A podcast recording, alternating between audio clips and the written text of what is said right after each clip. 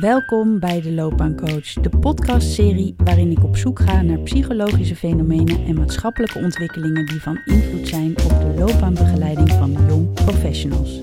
Deze podcast wordt gemaakt vanuit de leergang loopbaancoaching van de Hogeschool van Amsterdam en mijn naam is Japke Ebbingen. Vandaag gaan we het in de studio hebben over de psychologie van het lichaam. Dat lichaam, dat nemen we vaak maar voor lief. Dat moet het gewoon allemaal maar doen. Gezond blijven, al onze stress afvangen, zodat we gewoon door kunnen. Misschien zorgen we met onze leefstijl wel ervoor door te bewegen, te eten en te slapen.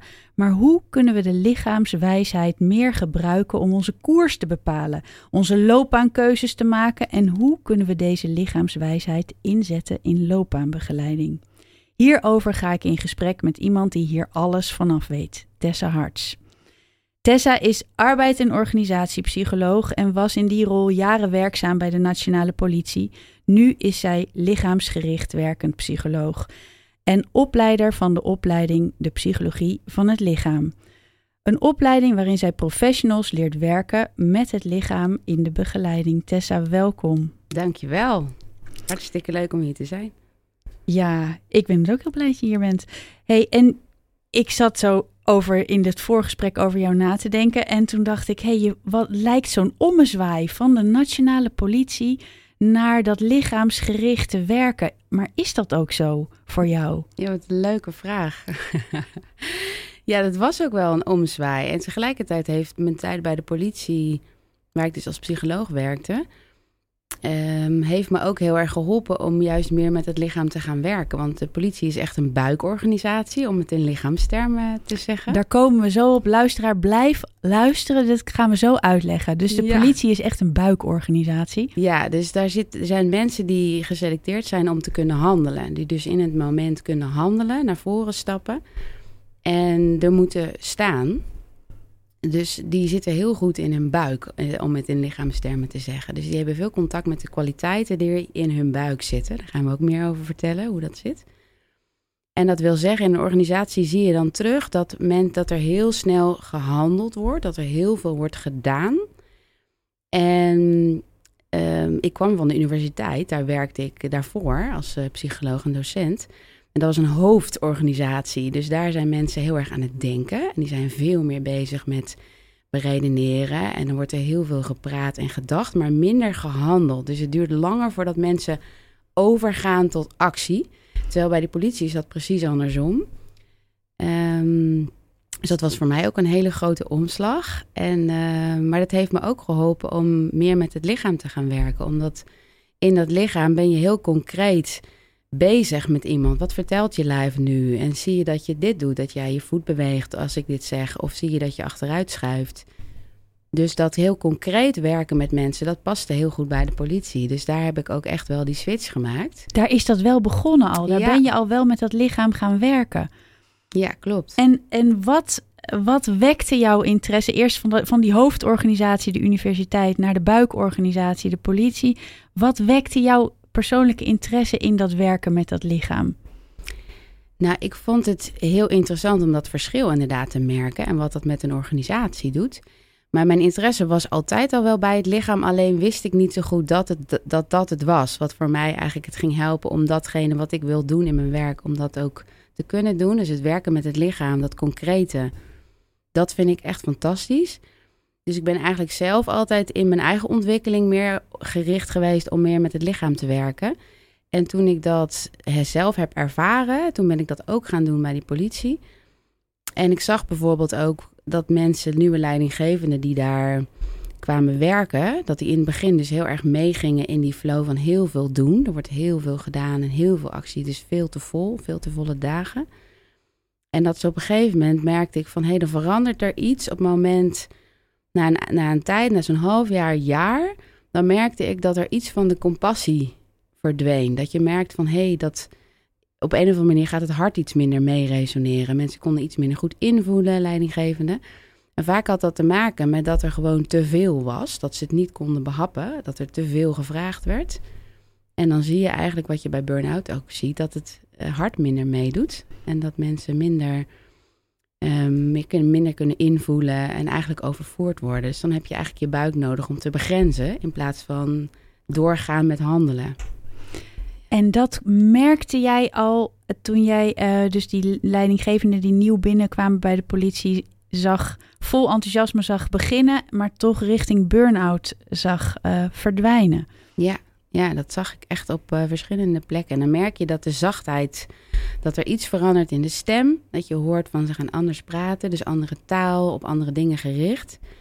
Veel korter, dus veel zakelijker. Dus eigenlijk wordt je merkt dat in de, in de contacten er minder tijd is, er minder ruimte, er minder goed geluisterd wordt. Dan zie je echt van hé, hey, het hartgebied resoneert minder mee. En dat betekent dat er, dat, he, dat heeft een reden dat iemand zich ergens gaat afsluiten, omdat hij eigenlijk moet zeggen: stop, het is nu genoeg. En daar eigenlijk moet naar leren luisteren. Ja. Nou, dan komen we volgens mij nu bij de kern, want we hebben het hoofd aangeraakt, de buik en het hart. Wat is Tessa, wat is de psychologie van het lichaam? Ja, dat vind ik ook wel een hele leuke vraag. Want eigenlijk vraagt bijna nooit iemand die vraagt. Terwijl mijn opleiding heet natuurlijk de psychologie van het lichaam. Mensen nemen het gewoon maar klakkeloos aan. aan ja. nee, misschien, ik hoop altijd maar dat het heel duidelijk is. Of het is. Dat is het. dat is het. Ja, en uh, de psychologie van het lichaam is voor mij hoe je aan het lichaam kan waarnemen. Dus als begeleider, maar ook hoe iemand zelf aan, het, aan zijn eigen lichaam kan waarnemen wat de persoon of wie je zelf bent en wat voor je belangrijk is. Dus wat toont het lichaam over de persoon die in dat lijf zit, die dat lijf bewoont. Dus je ziet en je hoort en je voelt dus aan bewegingen, maar ook aan hoe iemand staat, hoe iemand ademhaalt. Um, letterlijk waar het gewicht in het lichaam uh, is, waar het zwaartepunt van het gewicht is. Uh, de soort bewegingen die iemand maakt. Al die dingen die, die tonen eigenlijk wat voor kwaliteiten iemand heeft. Welke kwaliteiten iemand mogelijk minder inzet. Dus het laat eigenlijk zien ja, wat iemand in concrete zin, maar ook in diepere zin beweegt. En wat bij iemand past en wat niet. En dat kun je allemaal zien. Mensen, jullie begrijpen dat dit is levensgevaarlijk om hier met Tessa in die studio te staan. Want ik ben gewoon naakt nu. Alles is gewoon te zien aan je. En maar wat is de psychologie van het lichaam? Is eigenlijk dus wat toont het lichaam? Uh, en, en dat zie je in zwaarte, in beweging, uh, in ademhaling, in oogcontact, in Precies, nou, allemaal ja. handelingen. Um, Waar heb je dit geleerd en, uh, en, en kun je ons iets meer vertellen over wat die psychologie van het lichaam dan, hè, je noemde het al voorbij, je liet al voorbij komen, hoofd, hart, buik, wat dat is en wat daar voor kwaliteiten in zitten? Ja, ik heb dat geleerd van Annette van Laar. En uh, bij haar heb ik echt gevonden van wat, wat ik zocht in mijn begeleiding en in kunnen werken met mensen. Dat heeft zij prachtig gedaan. Dus zij heeft de opleiding ontwikkeld en ik heb hem overgenomen. En ze heeft ook een heel mooi boek bijgeschreven voor de liefhebber. Ja, van binnen weet je alles. Van binnen weet je alles. Dat moet je echt lezen. Als je dit interessant vindt, is dat echt het boek. Het handboek voor lichaamswijsheid. Daar heb ik eigenlijk ontdekt hoe ik al die dingen die je ergens onbewust weet, maar concreet kunt inzetten. Dus daar heb ik echt geleerd van wat zijn de wetmatigheden die, die te maken hebben met het lichaam. Kan je ons meenemen, wat zijn dan wetmatigheden in het lichaam? Nou, bijvoorbeeld, um, je ziet dat het iemand beweegt zijn lichaam en staat op een bepaalde manier. En bijvoorbeeld de linkerkant van ons lichaam heeft veel meer met ons gevoel te maken. En de rechterkant van het lichaam veel meer met ons denken. Dus dat is heel interessant om te zien. Ook al van soms zie je heel duidelijk, ook als iemand tegenover je zit met wie je een gesprek hebt, dat iemand heel erg op één kant zit of één kant van het lichaam is weggedraaid en één kant heel erg op jou gericht is, bijvoorbeeld. Dan zie je van hé, hey, is opvallend. Dus die linkerkant komt heel erg naar voren. Dus iemand is heel erg in zijn gevoel. En, uh, en die rechterkant die is eigenlijk een beetje weggedraaid. Dus dan kan je dat voor jezelf, als je dat weet, nou, dan kan je daar eens bewust van zijn. En ook eens daar met iemand over praten. Van hey, herken je dat? Ben je inderdaad heel erg bezig met je gevoel? En hoor je dat ook terug in wat iemand zegt? En soms zie je ook dat het heel erg verandert op een punt dat, dat je het hebt over iets wat echt belangrijk is of wat kwetsbaar is. Dat iemand eigenlijk gaat draaien op die stoel, een andere beweging maakt en de rechterkant van het lichaam bijvoorbeeld meer naar voren komt en iemand iets een beetje afschermt. Dus het kan zijn, hey, ga je nu denken? Of eh, klopt het dat je nu meer gaat denken? Terwijl je volgens mij was er net iets wat je voelde, klopt dat? Zo kun je op die manier, doordat je dat weet, die wetmatigheden, kun je dat met iemand bespreken. En dat is eigenlijk ook waar ik steeds op gericht ben als opleider. Van dat je, je weet bepaalde dingen, hoe het in elkaar kan zitten. En je gaat met iemand in gesprek om die signalen samen eigenlijk onder de aandacht te brengen. En iemand weet zelf vaak wat het betekent. Dus dat is ook het mooie. Iemand voelt zelf vaak wanneer het klopt wat je aandraagt of de, wat het signaal betekent wat je waarneemt. Ja, dus de kunst is niet te duiden, maar de kunst is uh, het aan te reiken en dan te onderzoeken samen uh, met degene voor je van klopt dit of wat gebeurt hier? Ja, precies. Dus je hebt bepaalde een framework in je hoofd en dat heb je ook, dat als het goed is ervaren dat het zo werkt, want dat is wat ik echt heb ervaren toen ik zelf de opleiding volgde en toen ik in het opleidingstraject zat om dit over te nemen, dat het echt zo werkt. En um, op het moment dat je dat kan ervaren, dan voel je ook de betekenis vanuit jezelf. En niet omdat je het weet, maar omdat je het voelt en ervaart. Dus je bent ook op een hele andere manier als begeleider aan het um, afstemmen op de ander. Ja, ja. Ook veel fysieker. Noem nog eens een wetmatigheid. Dus dit is een wetmatigheid van uh, linkerkant, rechterkant. Zijn er nog meer? Ja, er zijn een heleboel wetmatigheden. Dat voelt te ver. Want allemaal nu, dat zou ik wel willen, maar dat kan helaas niet. Dan moeten we naar de opleiding, maar nog eentje dan. Ja, ja. En wat ook, nou, je hebt natuurlijk die, um, die drie zones van hoofd, hart, buik. Dat zijn ook echt wetmatigheden. Dat je eigenlijk drie gebieden hebt die ook weer onderverdeeld zijn in losse segmenten. Die hebben allemaal kwaliteiten in zich. Om een concreet voorbeeld te geven. Het, het nek-schoudergebied dat staat heel erg voor vrijheid in de communicatie. En het moment dat iets moeilijk is om te zeggen, of een gevoel nog niet echt gevoeld en geuit is, dan zie je vaak als dat in het gesprek de stem van iemand onvast wordt. Dat het gaat haperen, of het een beetje zo, of de stem wordt stiller. Dus dan toont het lichaam eigenlijk van hé, hey, hier is iets wat nog niet helemaal naar buiten gebracht kan worden, of wat nog niet vrij is om naar buiten te brengen. Dus dat is, zijn gewoon van die wetmatigheden die je altijd kan gebruiken. Op het moment dat iemand eigenlijk stiller wordt of een beetje gaat haperen. Hé, hey, dan is er nog iets ja, wat nog niet vrij is of nog niet helemaal gevoeld is en naar buiten gebracht kan worden. En daar kun je dan samen naar kijken van hé, hey, wat is dat? Wat is dat? Waar ga je op haperen? Ja. Je noemt even kwaliteiten van hoofd, hart, buik. Uh, en die noemde je ook bij de introductie. Zou je kort van deze delen een kwaliteit kunnen noemen?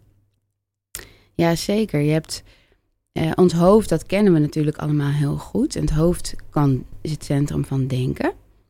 Dus met het hoofd hebben we de samenhang in dingen. Daar kun je verbanden zien, de rode draad, dingen met elkaar verbinden. Dus dat is echt wat het hoofd kan doen. Het hoofd is ook heel snel. Dus dat is een kwaliteit van het hoofd, is dus de samenhang onder andere kunnen zien. Verbanden leggen.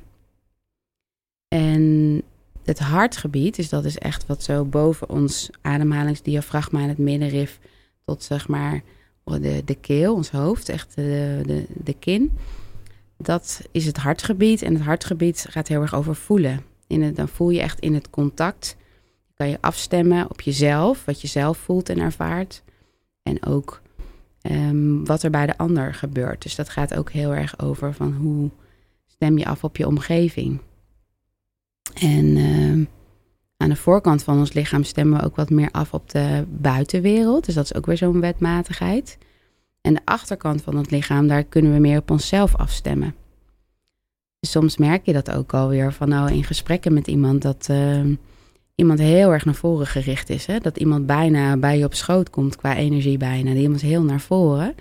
Dus iemand die heel erg op de ander is gericht. Dan kan het al heel erg helpen om dat een keer te benoemen en iemand uit te nodigen om wat meer naar achteren te gaan zitten. En eens even zijn rug te voelen.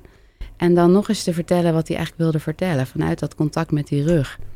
En dan kun je met elkaar ontdekken, hé, wat gebeurt er nou als ik meer achter in die stoel zit en vanuit mijn rug en de leuning die ik voel, nu ga zeggen. En wat, wat zeg ik dan eigenlijk? Wat komt er dan naar voren? Volgens mij in elke interactie ongeveer fluit ik mezelf drie keer terug naar achteren. Ja, ik herken het zelf ook heel erg. Ja, ja want in natuurlijk en in de rol van begeleiding of in contact of in gespreksvoering is het natuurlijk ook heel logisch. Want je richt je natuurlijk ook in de interactie op de ander. Dus de beweging is sneller naar voren dan als je in je eentje met een boek zit op de bank. Ja, precies. En daar gaat het juist om van dat het zo belangrijk is om dus niet de verbinding met jezelf dan te verliezen. En dat zie je vaak, en dat zie je dan ook aan houding. Dus ook weer een wetmatigheid. Het moment dat je ziet dat iemand met dat borstgebied, met dat hartgebied heel erg naar voren is, dan is het ook gewoon moeilijker om gewoon nog in je buik te voelen en nog contact te hebben met wat je voelt in je buik en in je benen. Omdat je een knik in je lichaam hebt. Dat is gewoon fysiek moeilijker. En dat wil zeggen dat je het contact met die buik verliest. Is het centrum van je handelen. En daar zitten ook weer allerlei kwaliteiten. Dan zit je levenslust. En daar zit ook de rem om te stoppen als iets niet meer goed voor je is. Um, dus die buik die heb je echt nodig om te voelen wat kan ik? Wat is reëel op dit moment? Dus daar zit echt je draagkracht. Dus op het moment dat je eigenlijk vaak te veel doet, meer doet dan je eigenlijk aan kan, of dat je misschien dingen doet die voor anderen heel fijn zijn, maar misschien minder goed voor jezelf, dan is dat dus belangrijk om te zorgen dat je contact houdt met je buik en ook dat je zo zit of staat, dat je dat ook fysiek kunt doen. Want zo werkt het ook gewoon. Ja, dus als je hier nu naar luistert, check jezelf even. Kun je dit horen alleen maar met je hoofd? Of kun je dit ook horen met je hart en je buikkwaliteiten in verbinding? Dus dat hart gaat over dat, over dat voelen, dat contact en die verbinding. Maar het is dus ook letterlijk de fysieke verbinding tussen hoofd en buik in dat lichaam. Uh, je noemde het eigenlijk net al een beetje met die, uh, met die keel. Um, er bestaat natuurlijk heel veel beeldspraak die verwijst naar het lichaam. Hè? Mensen die hebben een brok in hun keel of het ligt als een steen op mijn maag. Um, geen poot hebben om op te staan. Oh, geen poot om op te staan. Dat is ook mooi. Hè? Ja. En, um, en toch is hier heel weinig aandacht voor in de studie psychologie. En vanuit de wetenschappelijke onderbouwing. Uh, hoe, hoe zie jij dit? Hoe, hoe is de wetenschappelijke onderbouwing van dit verhaal? Ja, mooie vraag ook eerst op het eerste stuk van wat je zei, zou ik ook wat willen zeggen. Dat het inderdaad zo is. Psychologie is natuurlijk een wetenschap. En we, ik ben opgeleid echt als wetenschapper. Wat ik ook heel mooi vond en leuk vond om te doen. Maar dan word je heel erg getraind om ook echt mentaal, dus met je hoofd vooral, informatie te verwerken. En ik merkte dat ik zelf in de studie echt aanging op de momenten dat het hele lichaam mocht meedoen. Dus dat ik meer in trainingen en in jezelf als instrument gebruiken, dat er dan eigenlijk veel meer gebeurt. En het lichaam is eigenlijk ook zo ongelooflijk concreet, vertelt zo mooi uh, wat er aan de orde is en wat niet. Alleen met, met dat hele lichaam, dat is één geheel. En de interactie tussen lichaam en geest, dat is eigenlijk waar het over gaat in het leven. Maar dat is ook heel moeilijk te vangen. Dus dat, omdat het een geheel is, dus de holistische benadering is allesomvattend en daarom heel moeilijk in zijn totaliteit ook, ook in onderzoek te vangen. Maar je ziet wel dat er steeds meer ontwikkeling is. Dat daar steeds elementen bij komen die, ehm, die het makkelijker maken om dit ook wetenschappelijk te onderbouwen. Dus je ziet bijvoorbeeld nu dat er heel veel onderzoek is ook over het magnetisch veld van, het, van de verschillende delen van het lichaam en van organen. En dan blijkt onder andere dat ons hart um, het grootste elektromagnetische veld heeft van alle organen in ons lichaam. Dus Oshman heeft een heel mooi onderzoek daarnaar gedaan. En dat dat zegt echt nog 14 meter buiten het lichaam waar te nemen is, zelfs het uh, veld van het, uh, van het hart. En gevoeliger was de apparatuur niet om het verder te kunnen meten, dus mogelijk nog veel verder. Dus dat hart heeft, uh, zendt een bepaald signaal uit en heeft een bepaald veld wat dus verrijkt. Waar we dus nu informatie over krijgen, omdat onze apparatuur gevoeliger wordt, kunnen we dat waarnemen. Maar, um, dus dit zou mogelijk wetenschappelijke ondersteuning kunnen zijn waarom dat hart zo'n centrum is van afstemming en contact. contact. Ja, precies. Want het hart is eigenlijk kan eh, heel mooi alles, het hoofd en de buik verbinden. Dus die kan eigenlijk in het moment voelen van wat klopt nu, afgestemd op wat er hier nu in de hier en nu gebeurt. En het buik heeft heel erg onze informatie uit het verleden. Dus ook wat is voor ons luisbehoud gewoon goed. Is het veilig of onveilig? Dat kunnen we in onze buik echt waarnemen. Dus maar over die wetenschappelijke onderbouwing. Dus er, zijn, er komt steeds meer onder, onderbouwing ook vanuit de kwantumfysica vooral ook. Voor dit onderwerp. Dus je hebt ook het onderzoek van uh, Bruce Lipton. De biologie van de overtuiging. Eh, die heeft steeds ook heel mooi, steeds meer mooi onderzoek wat dit allemaal ondersteunt ook. Maar ik vind ook wel weer het mooie dat je het, het hele totaal van wat, wat dat lichaam allemaal uh, kan en weet, dat is heel moeilijk in, in, in, in, onderzoek te vatten. Dus misschien is dat wel waarom de psychologie zich er nooit zo enorm aan heeft gewaagd. Omdat het dus uh, te complex of te holistisch is. Ja, um, dat denk ik. Dat en, het daar, en het daardoor toch een heel rationele wetenschap is geworden. Ja. Hoewel met aandacht voor emoties en gevoel en ja. angsten en depressies enzovoort. Maar het wel hoofdelijk heeft willen vangen. Ja, precies. Omdat dat is eigenlijk de enige manier waarop je het zo kan vangen. Door dingen heel erg uit elkaar te trekken. Terwijl dit gaat juist over het totaal, hè, over het geheel. Dus daar moeten we meer nog. Uh, nou, dat, dat, dat wordt vervolgd. Hoe die biofeedback eigenlijk. Uh, hoe dat in elkaar zit. En hoe dat dan weer. Hoe we dat weer met die geest kunnen verbinden. Die heldere geest. Um, vaak als ik uh, in trainingen dingen ga doen met het lichaam, zijn er altijd mensen die zeggen: Ja, dit vind ik vaag, dit is zweverig. Uh, en en dat, is, is dat zweverig? Ik vind het lichaam zelf zo concreet, maar herken je dit? Hebben mensen dat bij jou ook? Dat ze soms zeggen: Wat ben je nou eigenlijk aan het doen? Wat een vaag, vaag gebeuren. wat een vaag gebeuren. Nou, ik vind vaak als mensen dat zeggen. Um is het vaak gewoon heel spannend om te voelen wat, er eigenlijk allemaal gebeurt. Want het lichaam is, zoals jij zegt, heel concreet. Dus ik heb gelukkig niet dat mensen zeggen van het is heel zweverig, omdat het juist zo concreet is. Maar het is wel heel bijzonder omdat je met je lichaam eigenlijk zoveel kunt waarnemen. En dat, uh, dat maakt het ook denk ik soms wel, ehm, dan lijkt het zweverig, omdat er zoveel is waar te nemen. Dus en dat je daar misschien niet altijd tekst en taal bij hebt. Precies. Dus je kunt het nog niet allemaal bevatten met je ja, hoofd. Met je hoofd, precies. Want je kunt onbewust kun je 200.000 keer meer verwerken dan bewust. Dus wij, met ons hele lichaam verwerken wij alle informatie die er om, om, ons, om ons heen is. En, uh, maar een gedeelte daarvan is echt bewust dus het is inderdaad, juist omdat je zoveel en op zoveel verschillende lagen kunt waarnemen met je lichaam. Dus je kunt fysiek, emotioneel en mentaal neem je alles waar. Dus alle ervaringen die je opdoet, hebben die component. Het fysieke, het emotionele en het mentale. En het moment dat je je daar bewust van wordt en dat voelt in je lichaam van hé, hey, ik, um, er gebeurt net iets en ik, ik schrik heel erg. Of ik voel helemaal dat mijn adem helemaal vast zit en dat mijn schouders verkrampen. En het kwam net omdat ik dacht dat ik iemand zag. Ik, zag eigenlijk een leraar die ik ooit gehad heb op, uh, op de basisschool. En uh, waarvan ik dacht, oh dat is hem, maar het was hem helemaal niet. En ik voel mijn hele schouders zijn dicht en mijn, uh, mijn adem stokt.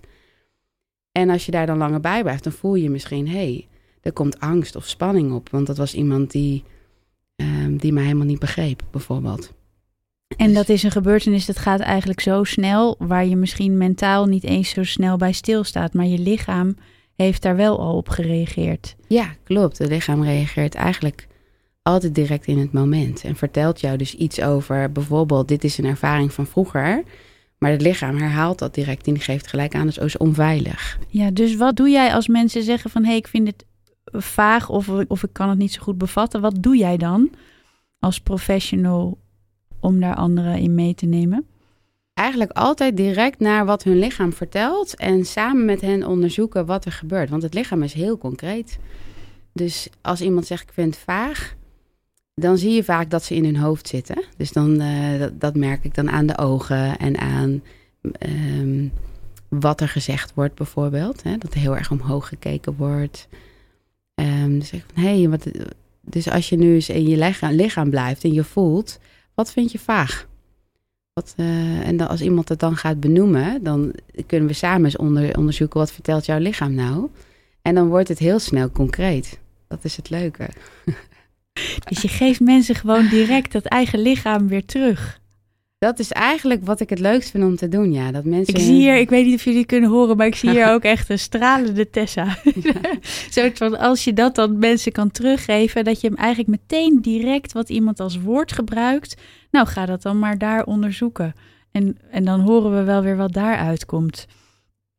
Ik vind het leuk, want ik realiseer me door ons gesprek ook, wat het vaag maakt, is als je het alleen mentaal benadert. Want dan is het inderdaad soms heb je de taal niet om het precies te bevatten. Maar op het moment dat iemand echt in zijn lijf blijft. En het rare is, wij denken allemaal dat we in ons lichaam zitten, maar heel vaak zijn we dat maar niet. Zijn we met onze gedachten heel ergens anders dan waar we met ons fysieke lichaam zijn. Ehm, dus op het moment dat je daar weer terugkomt, dan wordt het ook veel makkelijker en concreter. Ja, dus je, je mensen in het moment herinneren aan de plek, aan het lijf waar ze op dat moment ehm, zijn. Heb je het idee dat er maatschappelijk ook uh, behoefte is aan dit onderwerp? Dat er vraag naar is? Naar... Ja, enorm, ja. En hoe ziet die vraag eruit? Waar hebben we dan zo'n behoefte aan? Mooie vraag. Ja, waar hebben we dan behoefte aan? Ik denk dat er enorm behoefte aan is om inderdaad niet alleen vanuit het hoofd dingen te doen, maar ook het echt te ervaren en te voelen. Ook wel omdat um, we zo aangesproken worden op ons hoofd. En dat vind ik ook deze hele periode van die we achter ons hebben, hopelijk met corona voor een groot gedeelte. Heeft natuurlijk gemaakt dat, het lichaam, dat, dat ons leven rustiger is geworden. Minder prikkels, en ik had een gesprek met iemand laatst en die zei ook van... ik ben benieuwd hoe ik dat straks weer moet doen. Want ik, ik ben zo in een rustig ritme gekomen.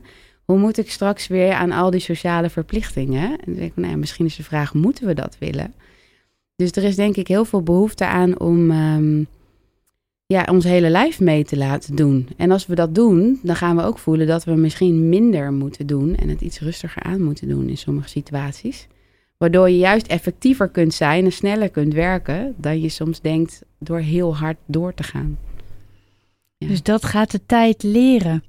Um, jij leidt professionals op in het begeleiden, in het werken met dat lichaam. Ik vroeg me af, hoe, hoe doe je dat? Je hebt er al dingen over gezegd, maar uh, misschien kun je er nog iets meer over zeggen. Wat leer je die professionals? Ja, wat ik ze leer of wat ik probeer met hun Um, ja, wat ik, wat ik ze leer is heel erg vanuit. Eigenlijk twee sporen zijn het. Enerzijds, hoe leer je die wetmatigheden? Dus hoe. Wat vertelt het lichaam? Wat, waar, hoe zitten die kwaliteiten in dat lichaam en hoe herken je die? Dus hoe herken je die echt aan de, aan de stem, aan de bewegingen die iemand maakt, maar ook hoe um, ga je met iemand het onderzoek in het lichaam doen? Dus als iemand ergens iets ervaart in zijn lijf. Dus stel je bent iemand aan het begeleiden met een loopaanvraag.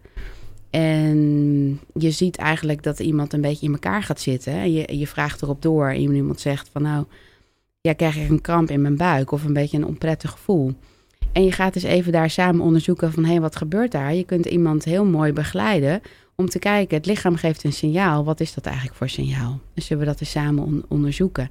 We hebben het over deze keuze en jouw buik uh, krimpt eigenlijk een beetje in elkaar. Dus wat betekent dat? En wat voor informatie zit er eigenlijk in dat lichaam? Dus hoe doe je dat? Hoe begeleid je iemand daar, uh, daarin? En anderzijds gaat dat tegelijkertijd heel erg over op het moment dat je zelf heel goed in je lichaam blijft als begeleider. Dan kun je je eigen signalen goed gebruiken, maar zorg je ook dat je goed voor jezelf zorgt, waardoor er eigenlijk heel veel ruimte komt voor die ander om dat onderzoek in, in en met zijn eigen lichaam te doen. En uh, dus die twee sporen zitten heel erg in de opleiding. lichaamsbewustzijn ontwikkelen als, als professional. Dus goed weten wat zijn je eigen lichaamssignalen en hoe zit je goed en lekker in je vel, zodat je zelf veel energie hebt en vitaal bent. En anderzijds ook hoe zorg je eigenlijk dat je de ander ook in contact brengt met zijn eigen lichaamswijsheid. Zodat je dat lichaam echt als bondgenoot kunt gebruiken en om op kompas om op te varen. En dat je dat niet allemaal met je hoofd hoeft doen. Dat kost heel veel energie. Als je gewoon je hele lijf gebruikt en je hoofd, dan gaat alles makkelijker. Want hoe doe je dat dan, dat hele lichaam als kompas gebruiken? Ja, een van de manieren is door dus dat lichaam gewoon te gebruiken en te bewegen. En door te bewegen, en ik gebruik heel veel Qigong in de opleiding ook. Dus dat is een uh, Chinese bewegingsleer, hoe je leert voelen in je lichaam maar ook gaat voelen en herkennen hoe dat lichaam zich toont en beweegt. Dus dat is een hele mooie koppeling als je dan ook kennis hebt over van uh, hoe zitten die lichaamssegmenten in elkaar. Dan kun je dat ook in je eigen lijf voelen en ervaren. En anderzijds leer je dus ook van hoe kun je juist met hele concrete oefeningen, dus echt met bewegingsoefeningen met mensen bepaalde bewegingen doen. Um, hoe kun je zorgen dat eigenlijk dat lichaam helemaal mee gaat doen? Want vaak zie je dat iemand in een bepaald gebied heel thuis is in zijn lichaam, bijvoorbeeld in dat hoofd. Dat kun je aan allerlei dingen merken als begeleider. Dat kun je voelen in je eigen lijf, maar je kunt het ook zien en waarnemen bij die ander, bijvoorbeeld aan de ogen. Als je iemand dan helpt om gewoon eens te gaan staan, of laten we eens even een wandeling maken, of uh, zullen we gewoon eens eventjes gewoon even ons uitrekken. Als jouw lichaam nou precies mag doen waar hij nu zin in heeft, wat zou dat dan zijn? Als je gewoon even zo'n, ja, je oh, gaat al de armen in de lucht. Precies, ik doe nu mijn armen in de lucht. Daar zou ik nu zin in hebben. Ja, zo even uitstrekken, dus ruimte maken. Hè? Strekkende beweging naar buiten. Ik doe nu ook, we gaan bijna hier de schermen omduwen. dus als je dat even met iemand doet, soms heel luchtig en speels. Van, hé, hey, als jij nu kon doen wat jij zou willen met je lijf en je doet dat nu, wat voor gevoel geef je dan? dan gaat iemand, moet dan in dat lijf gaan bewegen en dan gebeurt er ook iets. En wat doe je dan? Want dat is zo, uh, zo mooi, maar dan, dan doe je dus een, een beweging en dan gebeurt er iets. En wat doe je daar dan mee als begeleider? Hè? Ik ga me hier nu even uitstrekken. uitstrekken. Ja, ik heb dus iets te veel computer gehad de afgelopen dagen. Ja, en wat is, wat, waarom doe je dit? Wat is eigenlijk lekker aan dat bewegen? Dat je nu zo je armen Ah, dat ga je mij dan vragen. Dus je vraagt mij, wat is er lekker aan het bewegen? Ik doe mijn armen even naar boven en ik doe mijn armen even naar opzij. Uh, nou, jij zei net het woord ruimte, maar het voelt inderdaad wel even als ruimte maken. En de spierspanning van mijn uh, nek los te laten. Ja, ah, dus er zit ja. net een beetje spanning in je nek. En als jij je armen zo uitstrekt, dus doe nog maar even mee, als je zo voelt, dan komt er een beetje meer ruimte. Voel je ja, dan komt er meer ruimte. Ja. Oh ja, waar voel je die ruimte dan? Uh, ik voel hem eigenlijk helemaal langs mijn ruggengraat helemaal naar beneden gaan. Naar beneden, oh ja, volg dat. Dus daar, kan, daar kunnen we dan op doorgaan. Van dat je, en je merkt al aan mijn stem dat mijn stem uh, laag en wat rustiger wordt. Want om in je lijf te voelen en te ervaren, heb je ook uh, een langzamer tempo nodig. Dus om het lichaam, om daarbij te kunnen blijven bij wat je waarneemt in je lijf, moet je echt een rustiger tempo. Het hoofd is heel snel, maar het lichaam heeft tijd nodig om te ervaren. Dus dat leer ik ook van hoe, um, hoe nodig je iemand uit.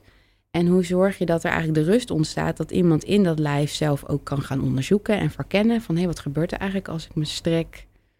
En hé, hey, jij noemt dat heel mooi van hé, hey, mijn ruggengraat voel ik eigenlijk helemaal. Als ik strek, dan komt er gewoon de verbinding met mijn hele wervelkolom.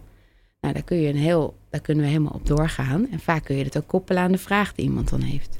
Ja, dus dat gaan we nu hier niet doen. Maar uh, wat wel de essentie hiervan is, je laat mensen een beweging maken.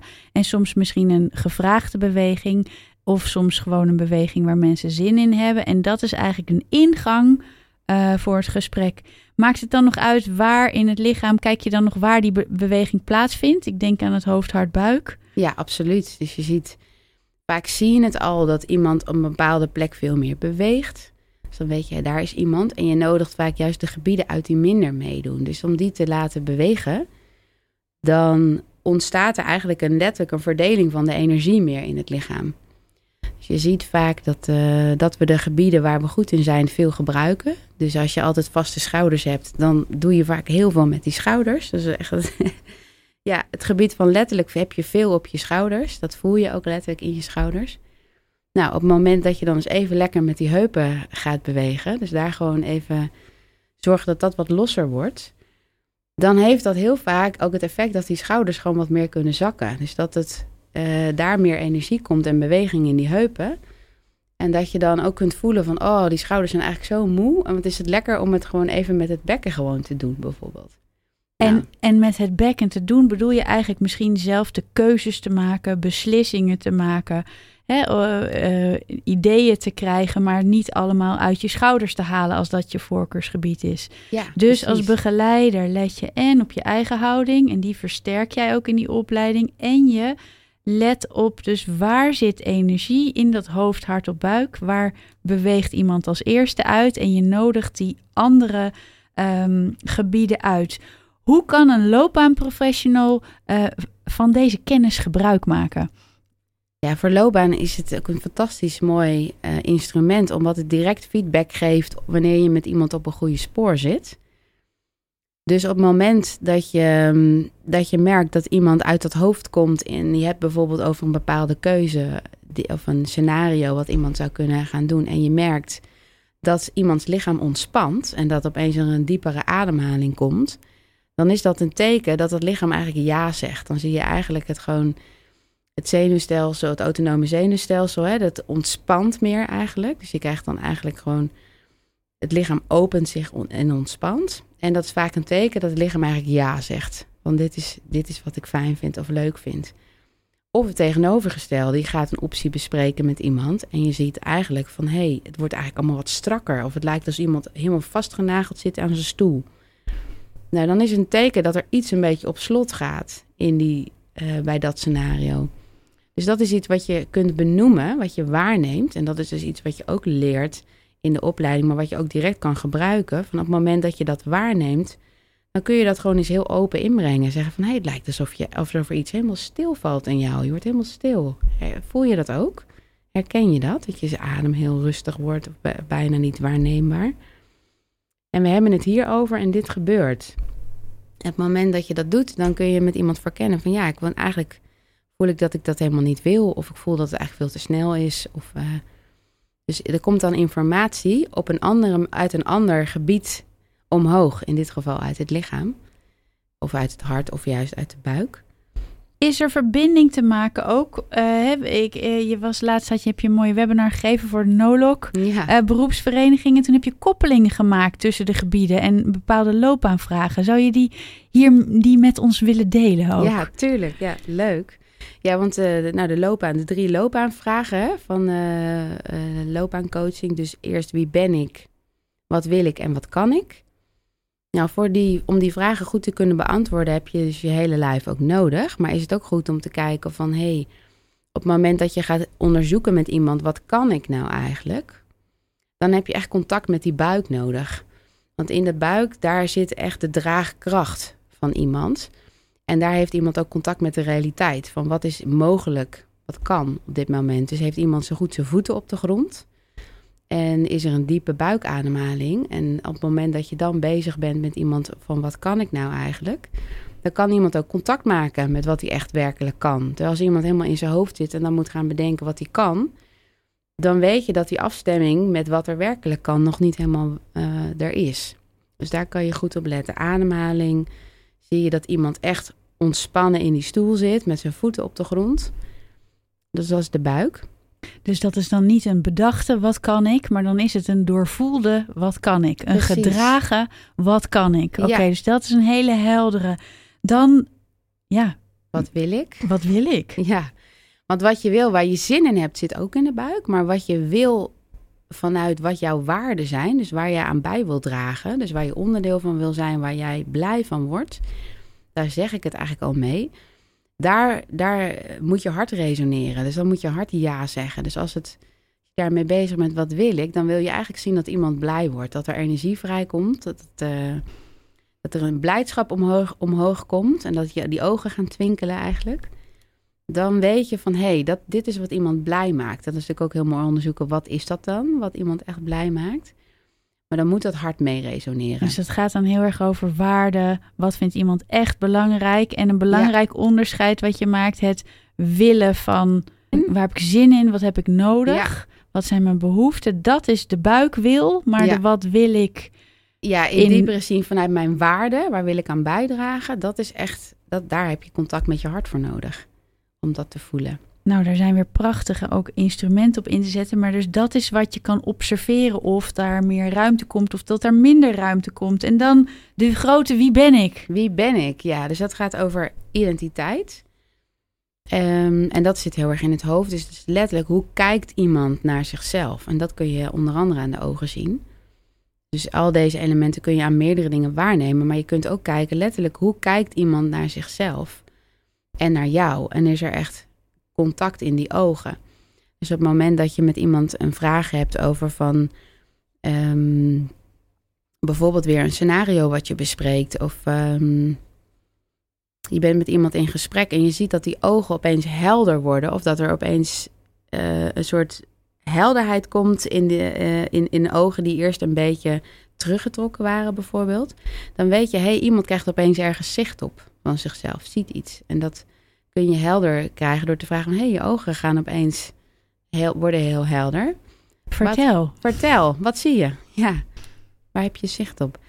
Ehm, dus dat is heel leuk met die vraag van wie ben ik nou eigenlijk? En soms zie je dat iemand gewoon bijvoorbeeld aan de rechterkant uh, ja, minder naar buiten lijkt te kijken, werkelijk het oog. Alsof het oog eigenlijk naar binnen kijkt.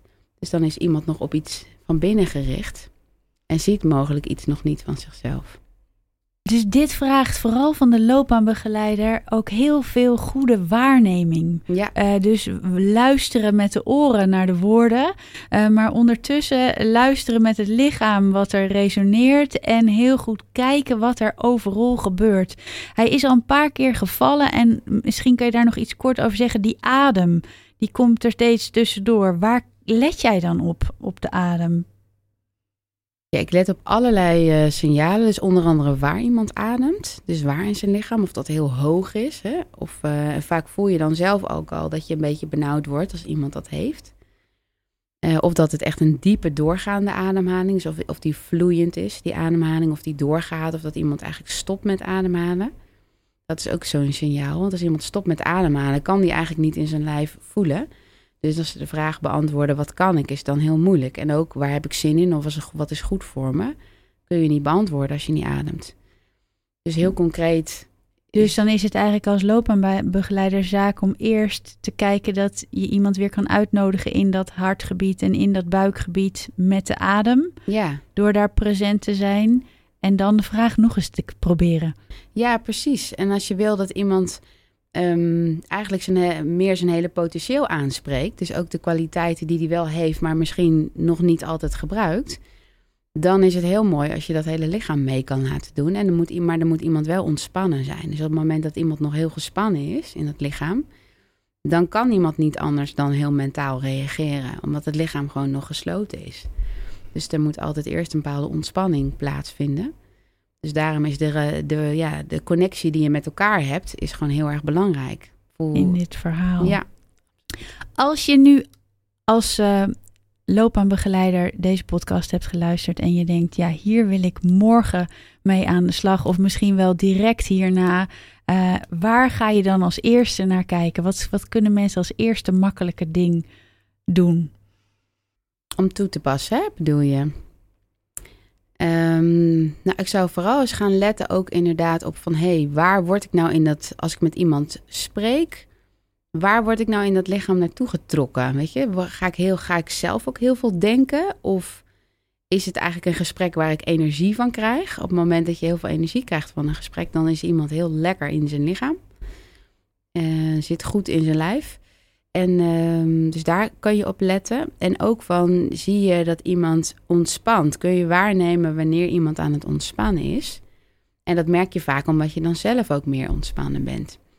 Dus als je zelf heel goed voor jezelf zorgt in beloopbaanbegeleiding, dus het heel fijn hebt zelf, dat is ook iets wat ik heel belangrijk vind, dan kan je ook veel beter voelen wat er bij die ander eigenlijk gebeurt. Dus het gekke is, we zijn altijd zo gericht op alles moeten horen wat die ander zegt. Terwijl op het moment dat je veel meer ontspannen bent en er gewoon bent in je lijf en uh, lekker ademt en uh, lekker goed gegeten hebt en eventjes een rustmomentje gehad hebt voordat je dat gesprek, die sessie hebt, dan hoef je veel minder hard te werken, omdat je dat met je hele lichaam en je hoofd allemaal doet, dan op het moment dat je daar heel veel moet doen en moet bereiken of heel erg in je hoofd al bezig bent met wat je daar moet doen. Dus vooral zorg dat je zelf lekker ontspannen bent. Fantastisch. Dit is natuurlijk gewoon de tip die iedereen het allerliefste wil. Dus zorg dat je zelf lekker ontspannen bent. Dat je present kan zijn in je eigen hoofd, hart en buik. Ja. Uh, en van daaruit um, het gesprek gewoon laat gebeuren. Ja, want dan is het leuk hè. Dan, uh, dan gebeurt het dus ook vanzelf. Dan gaat er heel veel vanzelf. Is het meer moeiteloos. Hoef je veel minder je best te doen. En uh, is er vaak veel meer beweging. Wauw. Tessa, ik dank je hartelijk voor al je wijsheid en je lichaamswijsheid. Fijn dat je hier was. Dit was de Loopbaancoach. We zijn te vinden op iTunes, Soundcloud, Spotify of via de website. Als je het leuk vindt, dan kun je allemaal sterretjes achterlaten, zodat we steeds makkelijker te vinden worden voor iedereen. Ook zijn we te volgen op Instagram, de underscore loopbaancoach. Dit was de Loopbaancoach. Leuk dat je luistert.